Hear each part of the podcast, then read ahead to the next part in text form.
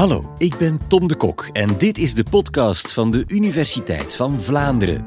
Net zoals er Belgen naar het buitenland migreren, komen er jaarlijks heel wat nieuwe mensen in België terecht. Wie zijn ze en waarom komen ze naar België? Wij stelden deze vraag aan demograaf Patrick de Bozere. Welkom bij de Universiteit van Vlaanderen.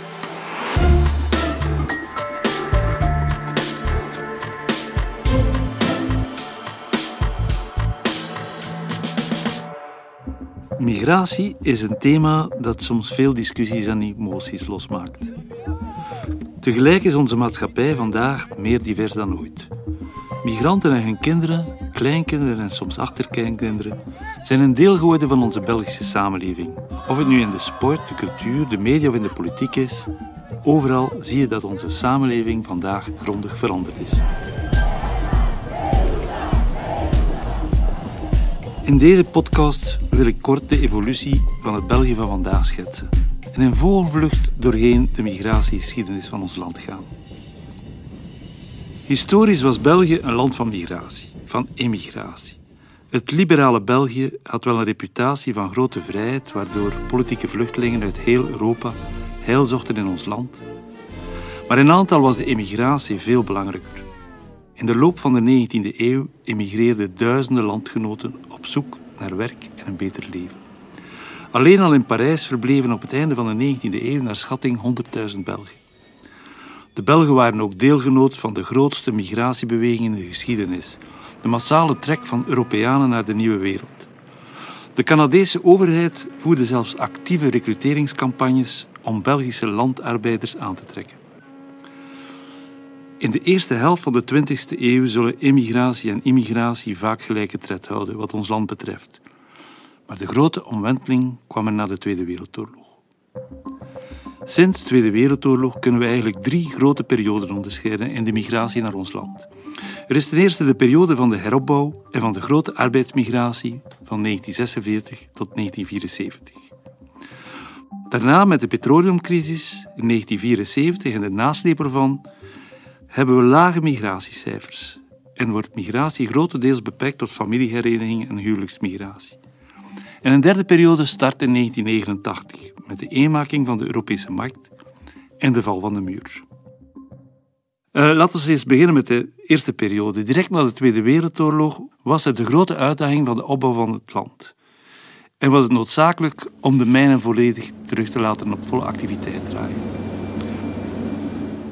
Duitse krijgsgevangenen hadden lange tijd in de mijnen gewerkt, maar vanaf 1946 stond België voor de grote uitdaging dat onvoldoende mensen in de mijnen wilden werken, terwijl steenkool wel belangrijk was voor de zware industrie.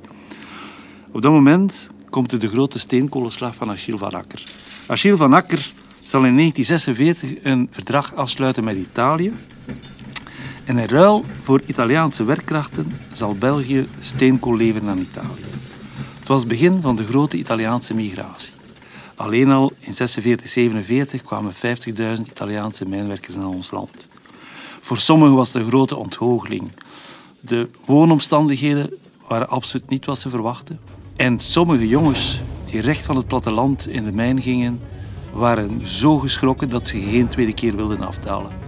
Met 8 meter per seconde suist de lift door de schacht naar beneden. Een reis van meestal zo'n 20 minuten in de speciale personentrein volgt. Ze werden prompt aangehouden en naar het klein kasteeltje gestuurd om terug naar hun land te vertrekken. Toch was de Italiaanse migratie een migratie die ons land in die beginperiode heeft getekend. 100.000 tot 200.000 Italiaanse mijnwerkers zijn naar ons land gekomen en hun familie volgde. Tot op 8 augustus 1956 België de grootste mijnramp kende in haar geschiedenis. Marcinelle, 8 augustus 1956. Bois du. Op verdieping 975 meter ontstaat brand in de liftkooi. Er volgt kortsluiting. Rook stijgt uit de schacht. 275 arbeiders zijn ingesloten. Het alarm wordt gegeven. 13 mensen slechts zullen zich kunnen redden. Bois du werd het graf van 262 arbeiders. Het waren vooral Italianen die omkwamen. Meteen na de ramp zette Italië een punt achter het Belgisch-Italiaans migratieakkoord van 46. De Belgische overheid en de steenkoolpatroons moesten op zoek gaan naar andere arbeidskrachten. En het gehele Middellandse zeebekken werd ontsloten. België sloot contracten af met Spanje, Joegoslavië, Griekenland, Marokko en Turkije. De migratie was nog steeds een georganiseerde arbeidsmigratie, waarbij actief werd geronseld in de landen van herkomst. Maar de diversificatie begon ook wat betreft het soort arbeid. Niet alleen mijnwerkers werden geronseld, maar voortaan ging ook de zware industrie op zoek naar arbeidskrachten. En kregen we ook uh, heel wat bouwwerven in ons land waarvoor arbeiders werden gerecruiteerd uit het Middellandse Zeegebied. Si l'exposition internationale de Bruxelles en 1958 a remporté un succès considérable, il est certain que le clou en était l'atomium. Sa masse imposante fait maintenant partie intégrante du ciel de Bruxelles, comme la Tour Eiffel fait partie du ciel de Paris. Denk maar aan de grote bouwwerven naar aanleiding van Expo 1958 of het begin van de metrowerken in Brussel. 1964 was de Marokkaanse arbeidsmigratie op gang gekomen met een akkoord tussen België en Marokko. En alleen al in 1965 kwamen uit alle landen van het Middellandse zeegebied samen meer dan 100.000 migranten naar ons land. Met de petroleumcrisis van 1973 en de daaropvolgende crisis in het land kwam er een migratiestop. Daarmee begint een tweede periode. De Arabische olieleveranciers draaiden de kraan met één vierde dicht om de westerse landen te verplichten druk uit te oefenen op Israël, druk om de bezette gebieden te ontrennen. De grenzen werden officieel gesloten voor arbeidsmigratie en de belangrijkste migratie die dan nog zal plaats hebben, is vooral familiehereniging of huwelijksmigratie. In de jaren 80 in ons land was het migratiesaldo ongeveer nul. Dat betekent dat er evenveel mensen uit het land vertrokken als er mensen naar België kwamen. De moeilijke economische situatie met de hoge werkloosheid zorgde eigenlijk in die jaren dat er nog nauwelijks sprake was van een positief migratiesaldo. De omkeer zou er vooral komen vanaf 1989. Twee belangrijke gebeurtenissen zullen in dat jaar plaatsvinden. Het verdrag van Maastricht, dat zal zorgen voor een eengemaakte economische Europese markt, en de val van de Berlijnse muur. De grens tussen Oost- en West-Duitsland is open. Er komen vrije verkiezingen in de DDR. Dames en heren, goedenavond. Wat vannacht gebeurd is, kan het aanschijn van Europa, Oost en West, grondig veranderen. En het heeft alleszins een uitzonderlijke symbolische waarde. Grote groepen Oost-Berlijners zijn ongehinderd naar West-Berlijn gekomen en hebben daar in de schaduw van de muur de nieuwe openheid van de Oost-Duitse overheid gevierd. In de eropvolgende jaren zullen de landen uit Oost-Europa ook aansluiten bij die EU-15 en hebben dan het Europa van de EU-27. Een eengemaakte economische ruimte waar vrij verkeer van mensen, goederen en diensten tot stand komt. En dat ook de basis zal vormen voor migratiebewegingen, maar veel meer gestoeld op individuele beslissingen. Voortaan zullen mensen Europa als één geheel beschouwen, waar ze op zoek zullen gaan naar die plaatsen waar de economische motor nood heeft aan werkkrachten. Naast die arbeidsmigratie zal de val van de muur ook andere gevolgen hebben. Een aantal landen zullen uiteenvallen, zoals Joegoslavië en de voormalige Sovjet-Unie, wat aanleiding zal geven tot een aantal oorlogen die vluchtelingenstromen op gang zullen brengen vanuit Joegoslavië en vanuit een aantal staten uit de voormalige Sovjet-Unie.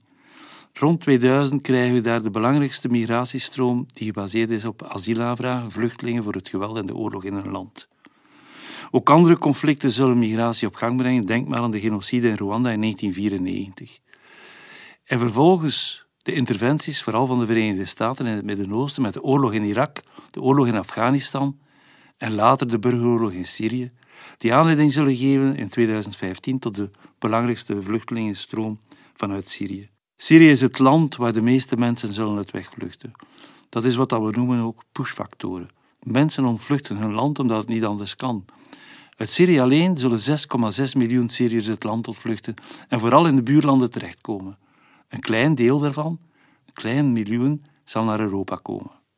Dat zal aanleiding geven tot de belangrijkste asielstroom, die die op ons netvlies gebrand is, van de bootjes in de Middellandse Zee, van het verdrinken van migranten onderweg. Maar die stroom van vluchtelingen is eigenlijk maar een klein onderdeel van de totale migratie naar ons land. U belooft een migratiestop voor tien jaar. Hoe gaat u al die Europeanen Meneer Van tegen? Die Grieken. Polen, die, die Bulgaren, die Roemenen, hoe gaat u die tegen? Meneer Van Grieken, als ik even mag, dat, Dat gaat, gaat over cijfers. Dat gaat, over maar die cijfers kloppen toch niet. Als we kijken naar de vluchtelingenstroom die op gang komt, vooral na de oorlogen in Irak, Syrië en Afghanistan, dan vertegenwoordigen die vluchtelingen slechts minder dan 20 van de totale migratiestroom naar ons land.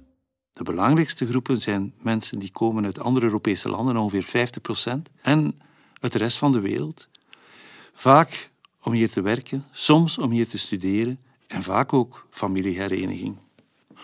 Maar bij de poolfactoren zie je ook dat in de recente migratie er beslissingen genomen worden om naar hier te komen, die soms door werkgevers zelf worden georganiseerd. Bijvoorbeeld voor de IT-sector zie je dat heel veel mensen uit India, computerspecialisten, door banken en verzekeringsinstellingen worden aangetrokken om in België te komen werken. En ook de zorgsector, zowel de woonzorgcentra als onze ziekenhuizen, gaan op zoek naar verplegend personeel. En je ziet bijvoorbeeld dat heel veel verpleegsters vandaag uit Roemenië en zelfs uit India worden gerecruiteerd. Uiteraard kan bij een beslissing om te migreren er zowel sprake zijn van push- als pull-factoren. Die twee zijn niet volledig tegengesteld aan elkaar. Aan de hand van de uitrekking van wettelijke verblijfstitels kunnen we enigszins een inschatting maken van belangrijkste motieven voor migratie. Bijvoorbeeld in het jaar 2017 zien we dat 57.000 van de eerste verblijfstitels werden uitgereikt aan EU-onderdanen. En 48.000 aan onderdanen van derde landen, niet vanuit de EU27. En als we kijken naar de motieven, dan is meer dan de helft van de uitgereikte verblijfstitels aan EU-onderdanen omwille van arbeidsmigratie. Een belangrijke tweede groep zijn studieredenen. Denk maar aan Erasmus bijvoorbeeld. Wat de niet-EU-onderdanen betreft, dan zien we dat een belangrijke reden om naar België te komen eveneens arbeids- en studieredenen zijn, maar daar zien we ook een belangrijke groep die een vluchtelingenstatuut zal aanvragen. En uiteraard gaan die eerste motieven gepaard met familiehereniging. Interessant bij die nieuwe migratiegolf die tot stand gekomen is sinds 1989 is dat we in plaats van een georganiseerde arbeidsmigratie veel meer gaan spreken van individuele beslissingen die genomen worden. Individuele beslissingen zijn een eerste kenmerk. En een tweede kenmerk is de grote diversiteit van waar migranten afkomstig zijn. Terwijl we in die eerste golf tussen 46 en 74 een duidelijke migratie hebben vanuit het Middellandse zeebekken naar België, zien we dat vandaag uit alle landen van de wereld er migratiestromen op gang komen. We spreken dan ook vaak van hyperdiversiteit, die vooral in onze steden zeer goed tot uiting komen, waar meer dan 100 nationaliteiten in Brussel of Antwerpen aanwezig zijn. Een tweede belangrijk kenmerk is ook de vervrouwelijking van migratie. Dat is iets nieuws. Wanneer we kijken naar die typische arbeidsmigratie na de Tweede Wereldoorlog, zien we dat het vooral mannen zijn die gerecruiteerd worden voor zware arbeid in de industrie. En de vrouwen en kinderen volgen daarna. De nieuwe migratie sinds 1989 is een migratie waar ook veel vrouwen het initiatief nemen om te migreren, om studieredenen of arbeid. Naast die twee belangrijke historische gebeurtenissen in 1989 is er nog een derde element dat een heel belangrijke rol speelt in de nieuwe migratie. De communicatiemiddelen van vandaag. Het internet en ook het feit dat iedereen zijn eigen mobiel apparaat heeft waaruit de wereld als het ware binnenkomt in de huiskamer. Maakt eigenlijk dat jongeren vandaag die in het Atlasgebied in Marokko of in de buitenwijken van Kinshasa opgroeien, direct contact hebben met de hele wereld. En als je weet dat migranten vooral jongeren zijn, dan weet je hoe belangrijk dat, dat is als bijkomend element om de internationale migratiestroom van vandaag te verklaren. Als we over die hele migratiegeschiedenis heen kijken, dan zien we eigenlijk dat we komen van een hoge arbeidsmigratie in die eerste periode naar een quasi nul migratiesaldo in de tussenperiode, in de jaren 80 vooral. En vanaf de jaren 90 zien we geleidelijk aan dat zowel immigratie als immigratie terug zullen gaan toenemen. Vanaf de jaren 2000 krijgen we een immigratie die gemakkelijk tot boven de 150.000 uitkomt. Maar er vertrekken ook ongeveer 110.000 à 120.000 mensen uit ons land. Het migratiesaldo, jaar na jaar, schommelt ergens tussen de 40 en de 50.000 mensen. Positief migratiesaldo, dus meer mensen die naar ons land komen dan er uit ons land vertrekken. Vandaag wonen er meer dan een half miljoen Belgen overal in de wereld. Maar in ons land hebben we meer dan 3,7 miljoen landgenoten die heel recente migratieroutes hebben, één of twee generaties ver. 20% van hen komen uit onze buurlanden, 30% uit de overige EU-27-landen en 50% uit de rest van de wereld. De migratie van de afgelopen 30 jaar heeft gezorgd voor een steeds toenemende diversificatie, zowel naar motieven van migratie als naar land van herkomst.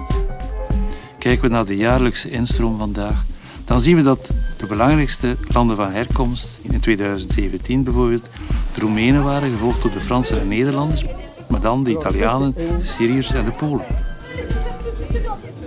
We hebben dus een heel nieuwe situatie.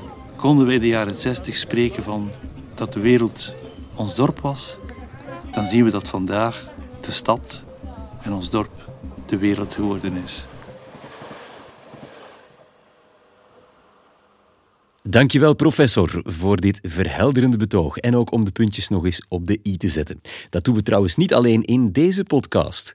Abonneer je op ons kanaal en mis vanaf nu geen enkele aflevering.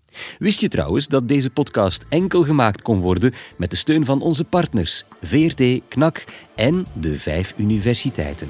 Bedankt partners en heel graag tot een volgende keer.